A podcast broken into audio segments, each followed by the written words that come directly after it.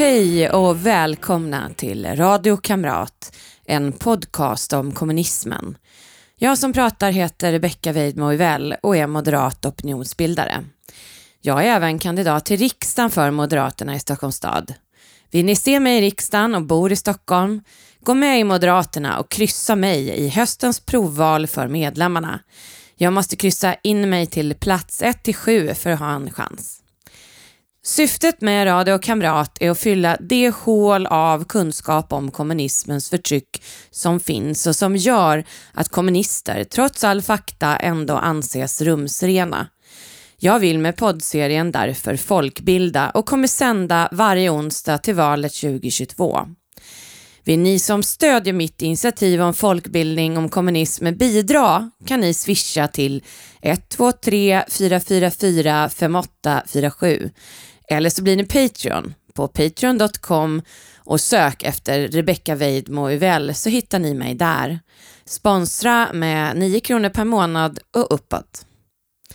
I avsnittet om Ho Chi Minh fick ni Vietnams historia och Ho Chi Minhs, men ingenting om omvärldens reaktioner.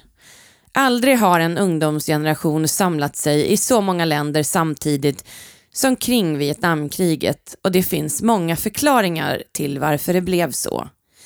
Vietnamprotesterna formerade också en svensk vänster som lyckades använda rörelsen till en hävstång för bred politisk framgång. Idag ska jag gå igenom hur det startade och de mest centrala är FNL-grupperna. Ett enat folk bakom gevärets år När vi askan ser från den brända byn så stiger vårt hat mot skyn. Vi slår tillbaka, vi går mot seger och USA förflygs från söders land med fasor, död och brand. Så svär soldat med dessa ord.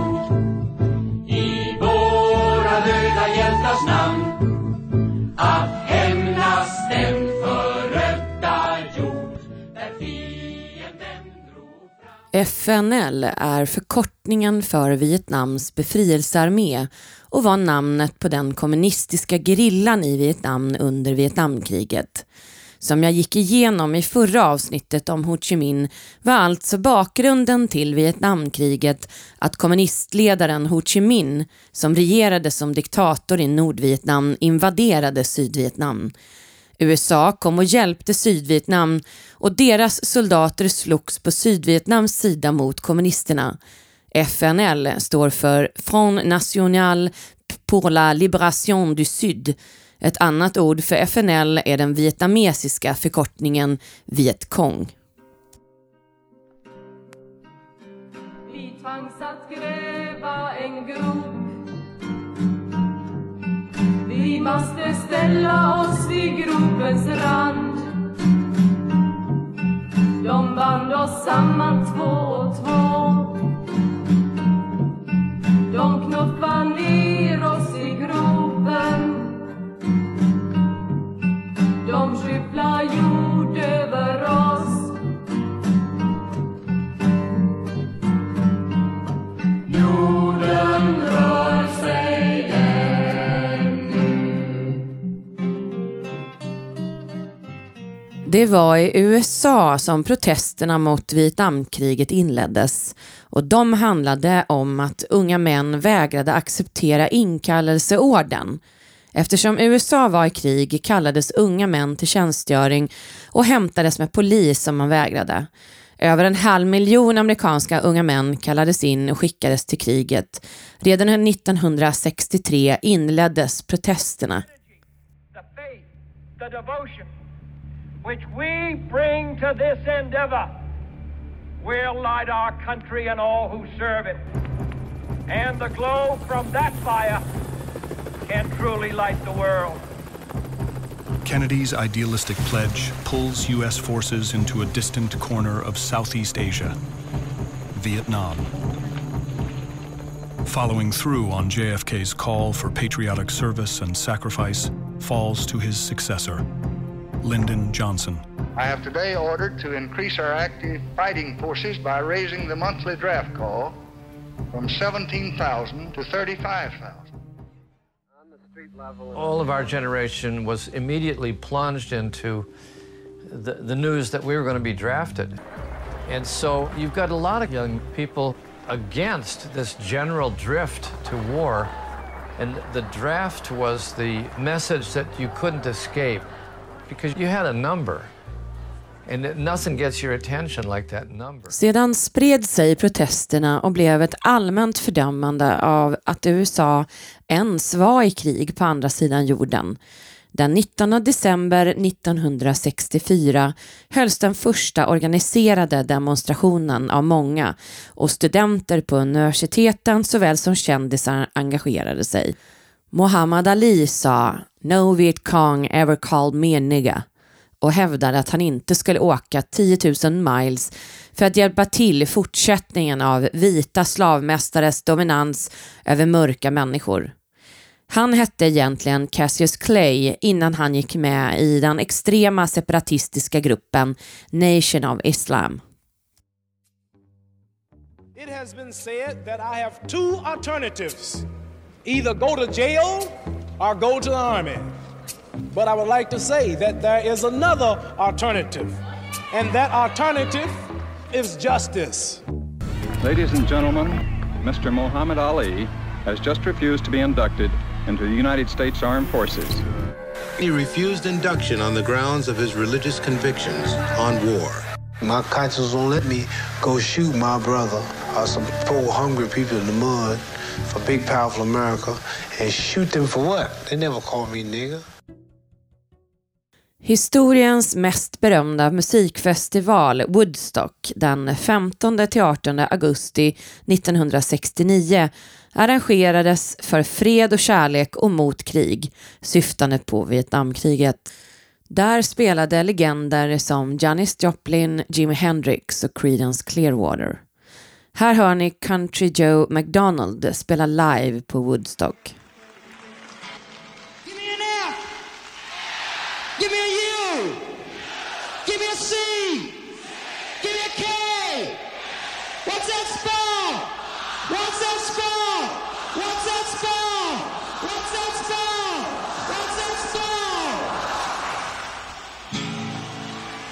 Well, come on, all of you big strong men. Uncle Sam needs your help again. Got himself in a terrible jam way down yonder in Vietnam. Put down your books and pick up a gun. We're gonna have a whole lot of fun. And it's one, two, three. What are we fighting for? Don't ask me, I don't give a damn. The next stop is Vietnam. And it's five, six, seven. Open up the pearly gates. Well, wonder why. we all gonna die. Now come on, Wall Street, don't be slow. I man, this is war a go-go. There's plenty good money to be made. Vietnamkriget var det första tv-sända kriget, vilket bidrog starkt till genomslaget och den växande globala proteströrelsen bland västländers vänsterorganisationer och partier. Sverige har dessutom alltid varit trendkänsligt med ögonen mot världen och redan 1965 protesterade grupper mot Vietnamkriget. Några av dem som var engagerade var Andrea Andrén, ordförande i Svenska kvinnors vänsterförbund. Hon fick medalj av Sovjet 1953, Stalins fredsmedalj. Bertil Svanström, journalist på bland annat Svenska Dagbladet, var också en person i grupperna. 1970 fick han också medalj av Sovjet, Lenins fredspris. Som ni snabbt förstår hade Sovjet under denna period som var kalla kriget stort intresse av att protester mot USA ökade. En person som kom att bli central i Sverige var Sköld Peter Mattis. Han var medlem i KPML, det som då hette Kommunistiska förbundet Marxist-Leninisterna. Partiet bildades 1967 och idag heter det Sveriges kommunistiska parti, SKP. 2010 kandiderade han för Vänsterpartiet i valet. 1965 bildades Svenska Vietnamkommittén och syftet var att ena olika grupper som arbetade för fred i Vietnam. Ordförande var Steve Jakobsson, socialdemokrat. Grunden i hela rörelsen var den växande så kallade fredsrörelsen som även demonstrerade för att vägra värnplikt. Vietnamfrågan radikaliserade de grupperna.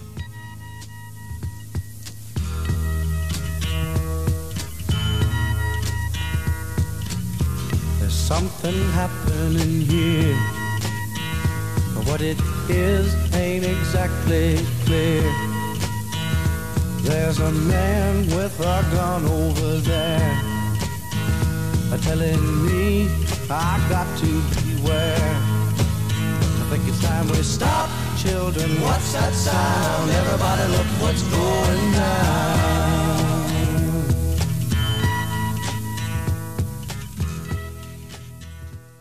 Vietnamkommittén var nära associerade med KMFL enligt Säpo och man kan säga att Vietnamprotesterna först engagerade alla pacifister och vapenvägrare som även protesterade mot kärnvapen och mot värnplikten. Här är KMA, kampanjen mot atomvapen, en av grupperna som blev centrala initialt och där fanns många av kommunisterna. Sedan blev protesterna betydligt mer politiska och flera grupper stödde offentligt den kommunistiska sidan av kriget. 1966 demonstrerade tusentals personer i Stockholm under ledning av författaren Sara Lidman. Ett kilometerlångt demonstrationståg med nästan idel ungdomar ringlade sig genom Stockholm i eftermiddags på den internationella protestdagen mot USAs Vietnamkrig. I spetsen gick bland annat författarinnan Sara Lidman, vice ordförande för Vietnamdagskommittén. God dag, det är TV-aktuellt som frågar. Hade ni räknat med så här stor uppslutning? Ja, vi tycker det var roligt att det var så många som kom. Och att man hade en känsla av att eh, folk bryr sig mer om Vietnam än man ibland kan tro. Demonstranterna samlades i Medborgarhuset på Söder i Stockholm där stora salen och läktaren fylldes till sista plats. Vietnamkommitténs fokus var fred och de som ville detta kom direkt i konflikt med framförallt maoistiska kommunister som ville stötta Ho Chi Minh. Många av dem kom från den socialistiska organisationen Clarté som bildades redan 1921 efter fransk förlaga och under 60-talet radikaliserades den rörelsen. De gav ut tidskriften Clarté. En av skribenterna som skrivit i den var poeten Karin Boye som började medverka 1926 och skrev till 1930. I denna kommunistiska grupp har många kända namn varit medlemmar. En av de mest namnkunniga är journalisten Jan Guillou. Han var medlem under 60 och 70-talet och var liksom alla medlemmar maoist på den tiden. Honom ska jag ägna mer tid åt i ett kommande avsnitt, men då i sin roll som kommunistisk spion åt KGB. Clarté hade täta och regelbundna kontakter med Maos Kina, åkte på studieresor dit och samarbetade med Old China Youth Federation. Föreningen finns fortfarande och är hemskt nog fortfarande maoister. I en nyligen publicerad artikel på föreningens hemsida kan man läsa Lika mycket som maoismen varit en inspirationskälla för förtryckta runt om i världen har den i västerländsk Kinaforskning huvudsakligen skildrats som ett starkt negativ historiskt företeelse. Otaliga är avhandlingarna om terror och hjärntvätt under Maos personliga diktatur.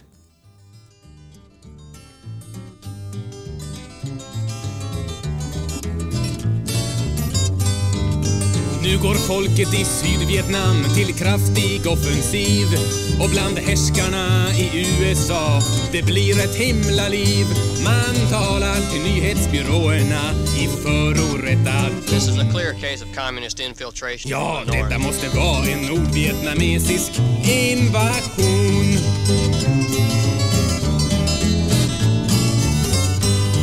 Och svenska pressen gapar stort och sväljer hela smörjan Trots att allt var lögn och dikt från allra första början Tage Erlander, C.O. Hermansson, Harry Schein, P.O. Engqvist, Karin Boye, Göran Rosenberg, Jan Myrdal, Jan Guillou, Robert Aschberg och Marita Ulvskog är några av de kända namn som är före detta medlemmar. I början av 60-talet var Clarté den enda organisationen där socialdemokrater och kommunister kunde träffas i ett organiserat sammanhang. Utåt sett pågick en kamp mellan socialdemokrater och kommunister men i Clarté kunde man mötas. Ett skäl var att statsminister Tage Erlander varit medlem sedan han studerade i Lund, vilket gjorde att andra socialdemokrater anslutit. Men Clarté, som var ett slags nav för svensk vänster, drabbades av stora interna motsättningar 1964. Dessa bottnade i att idolen Mao provsprängde kärnvapen samt synen på USA som krigsmakt kontra Sovjet. Ur Clarté föddes det stora Vietnammotståndet som sedan enade en stor och bred vänster och hittade nya sympatisörer.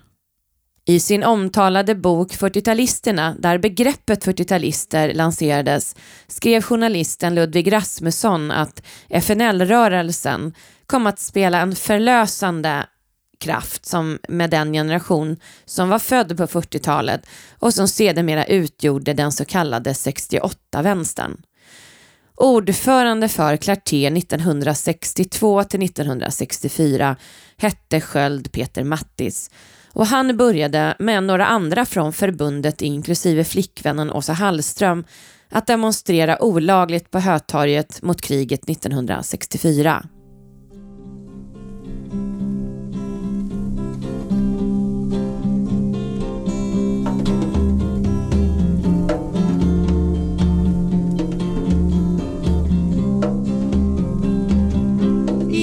Vietnams så lever FNL bland folket på samma sätt som fisken i vattnet. Därför kan USA aldrig hejda folkets motståndskamp. Ty vart än vattnet leds följer fisken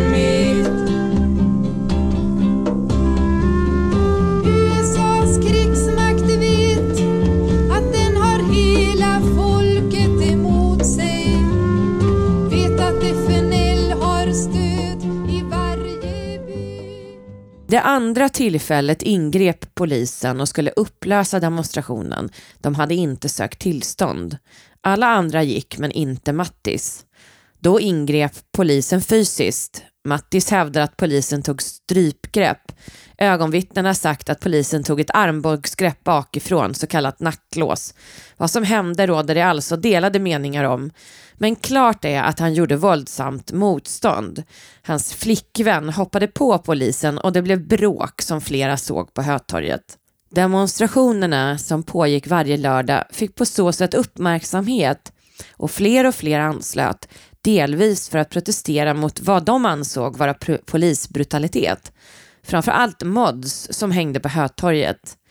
I augusti 1965 utbröt Hötorgskravallerna som inte hade med Vietnamkriget att göra egentligen utan var bråk mellan de två stora ungdomsgrupperna, mods och raggare, som spårade ur och 665 personer arresterades.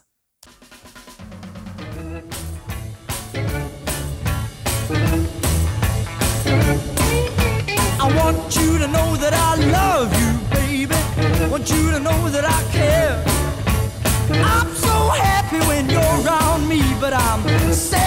when you're not there. Sing the song now. What you gonna do?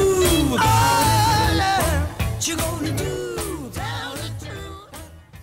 Men ur detta uppstod den pacifistiska och anarkistiska rörelsen, så för vänstern är det en historisk betydelsefull händelse.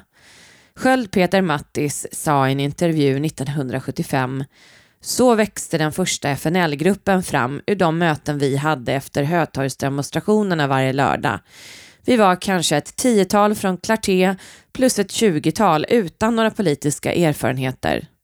Den gruppen tyckte parollen Fred i Vietnam var förräderi mot det vietnamesiska folket och att det var förtäckt stöd för imperialisterna i USA. Vietnamkommittén höll inte ihop ens ett år. Innan året var slut hade Clarté-gruppen lämnat för att ansluta sig till den nya gruppen som var i vardande, FNL-grupperna, eller de förenade FNL-grupperna som det hette. 1967 bildades den officiellt.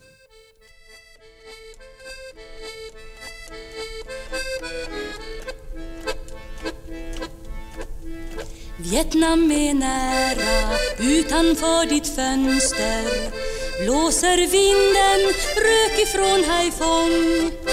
Vietnam är nära, nära som ett löfte om att förtryckarna ska störtas från sin tron en gång. Om att förtryckarna ska störtas från sin tron en gång. Nu tränar generalerna sitt bombflyg till tyranni och död och lönsamhet. Nu tränar Vietnams folk sitt bästa vapen, sin starka enhetsfront, sitt mod, sin solidaritet. 1967 hölls den första av flera Stockholmskonferenser för fred i Vietnam här deltog även Centern och Folkpartiet ihop med landets samlade kommunister och vänster. Säpo ansåg enligt SOU 2002-90 att konferensernas egentliga syfte var att dra fler anhängare till de Sovjetstödda kommunistiska grupperna och partier som var mycket aktiva i arrangerandet. Framför allt Världsfredsrådet som var en sovjetisk kommunistisk frontorganisation som enligt Säpo användes av den sovjetiska underrättelsetjänsten. Hallå där bonde, får jag gömma mig här? Jag kommer från Saigon med åtta gevär. De har jag snott från en amerikan. Han trodde jag ville skjuta på mitt folk, den fan. Nej, nej, kommunist, gå någon annanstans. Jag blir hängd direkt om de visste var du fanns. Jag vill bruka min åker och ha lugn och ro. Och dina gevär får inte riset att gro. Efter brytningen och bildandet av FNL-grupperna avstannade Vietnamkommittén i mångt och mycket. En ny förening startade istället, Svenska kommittén för Vietnam. Den finns fortfarande. Och man valde Gunnar Myrdal till ordförande 1968. Eftersom Myrdal var en framstående socialdemokrat beslutade det mäktiga socialdemokratiska verkställande utskottet att samma år börja ge kommittén ekonomiska bidrag. Enligt Yngve Möllers bok om Sverige och Vietnamkriget var tillkomsten av kommittén klart inspirerad av att Socialdemokratiska partiet genom kommittén ville få möjlighet att kunna styra opinionsbildningen i Sverige. Kommittén stödde officiellt FNL. 1971 efterträddes Myrdal av en annan socialdemokrat, Birgitta Dahl, som blev statsråd i Palmes regering 1982. Även Anita Gradin var aktiv och även hon blev statsråd 1982. Unga socialdemokrater lockades också till rörelsen och Mona Sahlin är en av flera som engagerade sig då. Det var Svenska kommittén för Vietnam som arrangerade demonstrationen den 21 februari 1968 i Stockholm. Olof Palme var klädd i rysk pälsmössa och gick sida vid sida med Nordvietnams Moskvaambassadör, kommunisten Nguyen Thu Chan. I Svenska Dagbladet stod det dagen efter den lille ambassadören med det svåruttalade namnet gavs ett entusiastiskt mottagande. Det viftades frenetiskt med FNL-flaggor i den kompakta lyssnarskaran och talkören, som tidigare vrålat USA mördare, omväxlande med USA ut ur Vietnam, slog an en annan melodi. Ho, ho, ho, ho, Ho Chi Minh.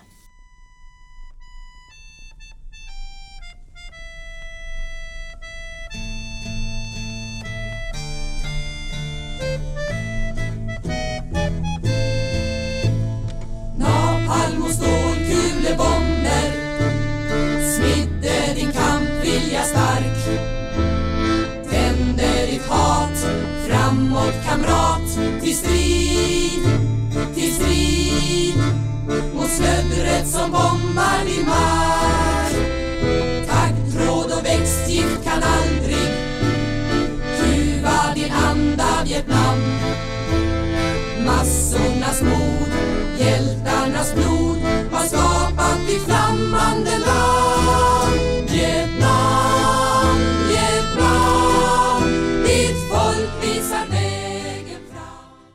Säkerhetspolisen ansåg att Svenska kommittén för Vietnam var en täckorganisation för kommunism, bland annat för att de samlade in en mängd icke-kommunistiska organisationer i en paraplyorganisation i enlighet med Moskvas uppfattning. Det här var mitt under det kalla kriget, ska inte glömmas, och Sovjet ägnade avsevärd tid och pengar åt just underrättelsearbete. I ett protokoll från kommunistiska partiet KFML 1968 kan man läsa vi KMFL driver Vietnamrörelsen, FNL-rörelsen, för att organisera dem som sluter upp bakom Vietnamrörelsens paroller. Dessa paroller är en del av KMFLs program. I samma protokoll står det också Frontorganisationerna är att betrakta som ett verktyg att nå massorna organisera dem, utlösa deras kamp, utveckla deras medvetenhet och i efterhand vinna dem för socialismen. Man kan säga att frontorganisationerna är revolutionens hävstänger. Kina finansierade KFML enligt Säpo. Enligt en essä på Timbro skriven av Claes Arvidsson ägde demonstrationen rum knappt tre veckor efter att världen hade förfärats över AP-fotografen Eddie Adams foto över hur Sydvietnams högsta polischef avrättar en FNL-officer i Saigon. Att pistolskotten föll för att frun och barnen till en av polischefens vänner mördats av samma FNL-officer berättades inte, för vinnaren skriver historien. Journalisten Bang, Barbro Alving, var en av talarna och hennes konstaterande att ingen svensk nu kan undkomma Vietnam blev sanning. Kriget formerade hela den svenska vänstern som fortfarande enas kring ett USA-hat och ord som antiimperialism.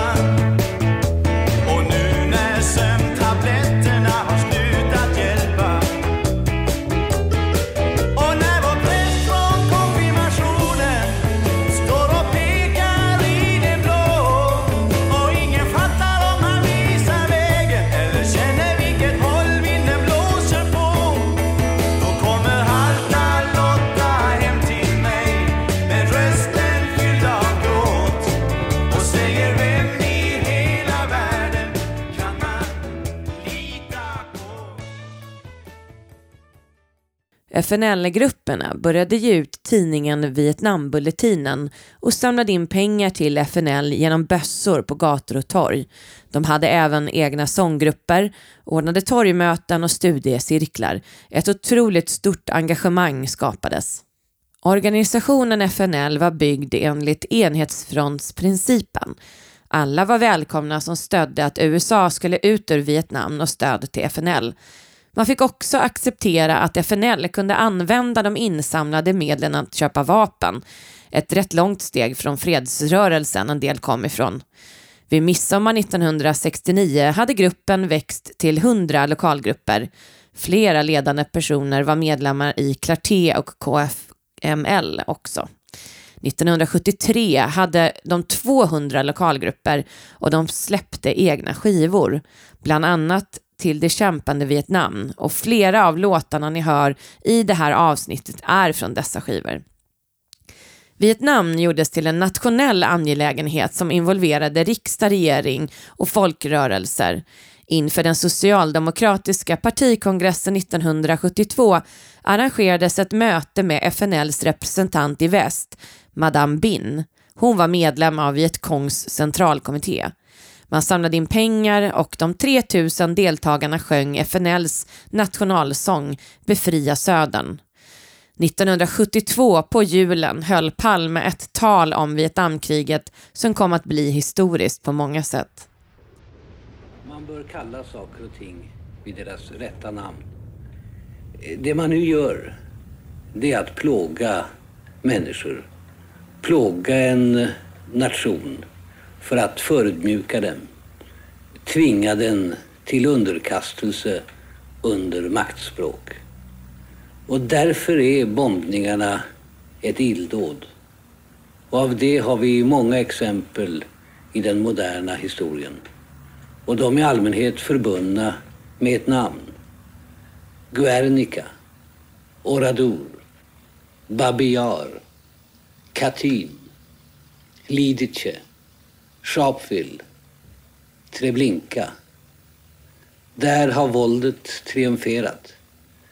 Men eh, eftervärldens dom har fallit hård över dem som burit ansvaret. Nu fogas ett nytt namn till raden. Hanoi, julen 1972. Palme fördömde USA för att bomba ett litet frihetsälskande folk till underkastelse. I Sverige vände opinionen och han lyckades skickligt skapa engagemang för kriget och därmed göra sin egen organisation Svenska vietnamesiska kommittén till en central figur. Ju mer central desto mer opinionsbildning som gynnade Socialdemokraterna. Maktpartiet har alltid spelat slukt. Fram till Vietnamkriget hade USA varit något positivt i Sverige. Det vände i och med Vietnamprotesterna. Till och med de borgerliga såg sprängkraften i frågan och gjorde bedömningen att det var bara att låta bli att streta emot, opinionen var för stark. Det blev en stor nationell manifestation under rubriken Sverige för fred i Vietnam.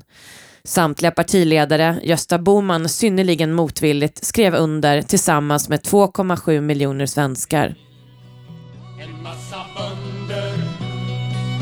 Som aldrig hållit ett gevär. Hur bar ni er åt för att besegra den japanska fascismen Deras grymhet som tog så många liv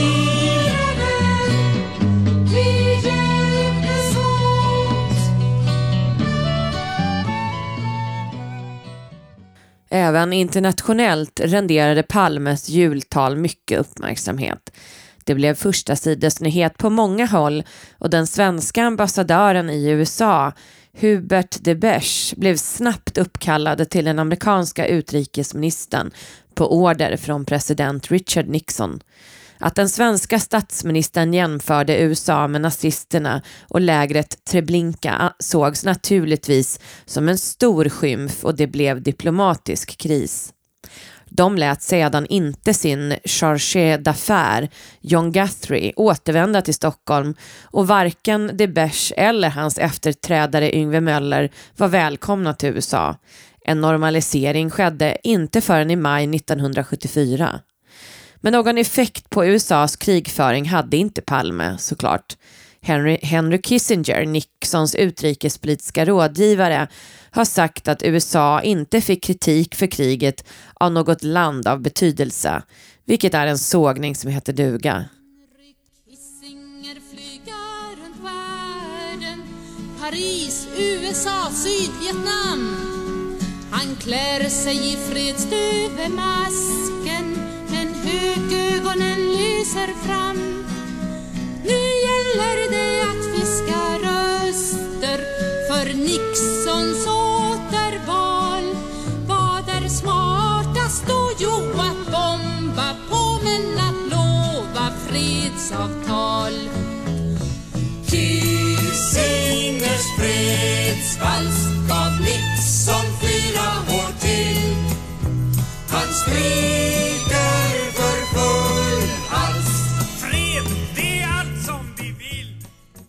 Det var kongressen i USA som inte ville ge den nya presidenten Gerald Ford, som tog över efter Nixon och Watergate-skandalen 1974, mera medel till kriget. När USA drog sig ur helt 1975 blev det en lätt match för kommunisterna att vinna. Det fredsfördrag som undertecknades 1973 var bara en skenmanöver för kommunisterna att bida sin tid. De hade aldrig någon intention att lägga ner vapnen. Den 1 maj 1975 samlades 15 000 personer i Kungsträdgården för att fira att Vietnamkriget var slut. Efter så många år är Vietnam fritt Vietnam är befriat, Vietnam är befriat Efter så många år är Vietnam fritt I många, många år har agiterats för folket som har kämpat i Vietnam. Och i många, många år har demonstrerat för att Nord och Sydvietnam är ett enat land. Men nu har Saigon-regimen brutit samman och FNL har stormat in i Saigon. Och till alla amerikanska soldater har Vietnams folk nu sagt så långt.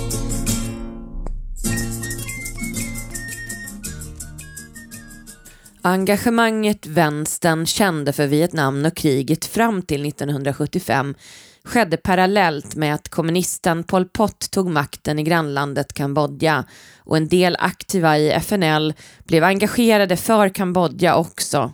Pol Pot tog makten den 17 april 1975.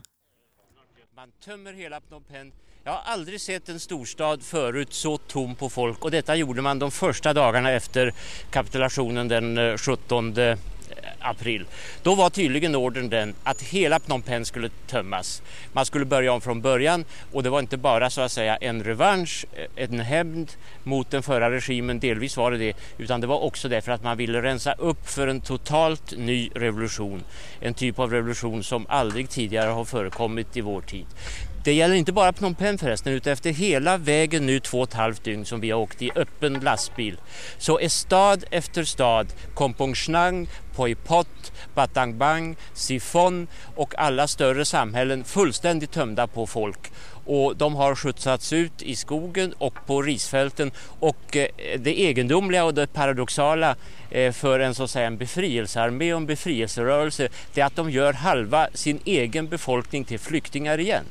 Men det förekommer också historier om att folk från sjukhus har kastats ut, folk som har riktigt. tillhört Lon Nol-armén. Det är riktigt. Eh, Man tömde varje, alla sjukhus i Phnom Penh under de första timmarna och första, eh, första dagen, första dygnet efter övertagandet. Och det gick till på det sättet att man, man körde ut all personal alla patienter, även döende och svårt sårade patienter körde man ut på bårar som de var. Sen fick de eh, eh skjutsas iväg av anhöriga och vänner i sjukhussängar och på bårar ut efter gatorna, ut efter vägarna, vart som helst. Och eh, där togs inga som helst hänsyn. Ingen som helst medicinsk vård eh, förekom vid det tillfället och där måste många ha dukat under för jag har sett så många hundra. Socialdemokraten Birgitta Dahl var ordförande för Svenska kommittén för Vietnam 1975 och hon sa så här. Alla vet ju att mycket av det som skrivits om Kambodja varit lögn och spekulationer. Det var helt nödvändigt att evakuera Phnom Penh. Det var nödvändigt att snabbt få igång livsmedelsproduktionen och det måste krävas stora offer av befolkningen. P.O. Enquist skrev den 15 maj 1975 i Expressen men folket reste sig, gjorde sig fritt, kastade ut inkräktarna, fann att dess fina stad måste återställas. Då utrymde man huset och började städa upp. Man började skura golv och väggar eftersom människor inte skulle leva i förnedring här utan i fred och med vänlighet. I väst flödar då krokodiltårarna. Horhuset utrymt, städning pågår. Pol Pot var döpt till Salot Sar, men Pol Pot var hans eh, artistnamn kan man säga, som är en förkortning av politik potent. Jag ägnade Radio Kamrats allra första avsnitt åt honom. I Sverige bildades då vänskapsföreningen Sverige Kampuchea och Gunnar Bergström, Hedda Ekervall, Jan Myrdal och Marita Vikander var alla ledargestalter inom just FNL-rörelsen och de blev även tongivande i den nya föreningen. Vikander blev ordförande och sommaren 1978 reste dessa fyra till Pol Pots Kambodja där fruktansvärd terror pågick. Till saken hör att Vikander var ihop med kambodjanen som ett hor och fick en son, Jesper, hor med honom. Men när Jesper är två år reste han tillbaka till hemlandet och hördes aldrig igen. Vikander och Jan Myrdal och de andra berättade sen de kommit hem att allt var frid och fröjd i Kambodja, ett socialistiskt paradis. De hade ätit ostron med Pol Pot, ingen svalt. 1,7 miljoner invånare mördades under fruktansvärda omständigheter i Kambodja under fyra år. Vietnam invaderade sedan landet och fick slut på misären. Myrdal har aldrig tagit avstånd. P.O. Enquist hävdade att han då inte visste vem Pol Pot var och att det som var förnuftigt då kan visa sig bli fel sen, men riktig avstånd tog han aldrig mer än så. Engagemanget mot Vietnamkriget fram till krigets slut 1975 ledde framför allt till en sak. Att vänstern lärde sig organisering och lyckades ena sig. Frågan drog till sig många som aldrig engagerat sig politiskt förut och en ny generation politiskt engagerade skapades. Detta ledde i sin tur till att en stor opinion för vänstern generellt skapades i Sverige under andra hälften av 60-talet och hela 70-talet. I centrum stod den så kallade 68-vänstern som fick många maktpositioner i samhället, inte minst i media. Gröna vågen, kollektiv, proggrörelsen och rödvinsvänstern. Lukas Moodyssons film Tillsammans fångar kärnan. Eftersom det är så här att det inte fungerar med diskningen. Men jag diskade ju igår. Ja, men då var väl det första gången på flera månader. Det var, det var flera dagars disk, säkert tre, fyra dagar eller någonting. Nej, men det var det inte för jag diskade i förrgår så det var det inte. Det gjorde du inte alls. Ja, det gjorde jag. Ja, det gjorde du inte alls. Det gjorde jag Nej, men Anna, lägg av. Det gjorde du inte alls. Jag det vet det. Jag jag. vet. Nej, det gjorde du inte. Ska du gå nu? Om ju en visst. sån viktigare hade att diskutera. Men tur är att diska så är jag inte Du kan inte bara gå. Det är viktigt det här, Erik. Det är borgerligt att diska. Typiskt. Ja, det kan inte vara så att det är vissa personer som alltid diskar jag tar inte alls. Ja, ja, ja, ja, Vänta, vänta, stopp, stopp. Vi kan inte ha det så här och försöka diskutera seriöst om du ska stå där så där. Vadå? Ja, vad tror du? Så jag är ledsen, jag vet inte vad ni andra säger, men jag kan i alla fall inte föra ett normalt samtal om jag ska vara tvungen att titta på dig när du står där och visar upp hela apparaten. Det går inte. Apparaten, vadå hela apparaten? Men måste ni två börja nu igen? Vad fan ska jag säga då? Det spelar väl ingen roll. Jag fattar i alla fall inte varför det ska vara nödvändigt Vadå, jag att... har svamp? Anna. Jag skiter i vad du har, Anna. Ja, men man, man får inte ha tätt åtsittande kläder. Jag bryr mig inte om de medicinska förklaringarna. Man måste ha luft. Ja, ja. Du, det är ingen som tvingar dig att titta. Nej, men det är ganska svårt att låta bli. Göran Skytte, själv en del av 68-vänstern men som senare tog avstånd, skrev i en artikel i Svenska Dagbladet i september 2007 med rubriken “Solidaritet och idealism blev egoism och slapphet”. Ett demonstrationståg blev tjänare i Socialdemokraternas tjänst. De jobbar ofta på Sveriges Television.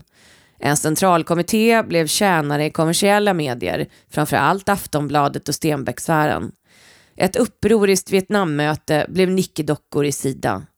En 68-trotskist lyckades med bravaden att först bli politiskt sakkunnig hos Socialdemokraterna på Finansdepartementet och därefter chefekonom på SCB. Den sistnämnda syftar på chefekonomen Claes Eklund.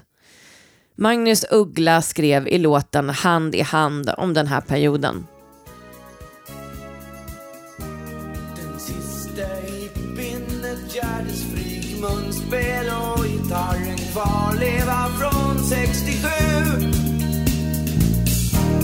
En oplundrad julgran med ting och tang Krimskrams, bjällerklang i fårväst och hatt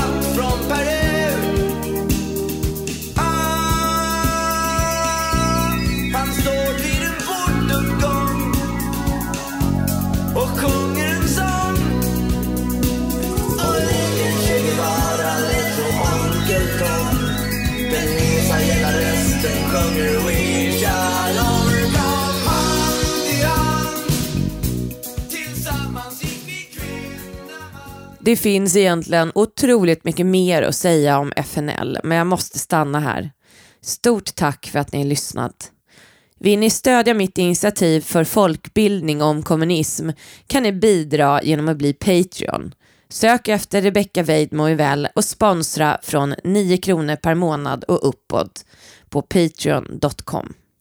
Glöm inte att prenumerera på podden så får du automatiskt alla nya avsnitt. Tack och på återseende.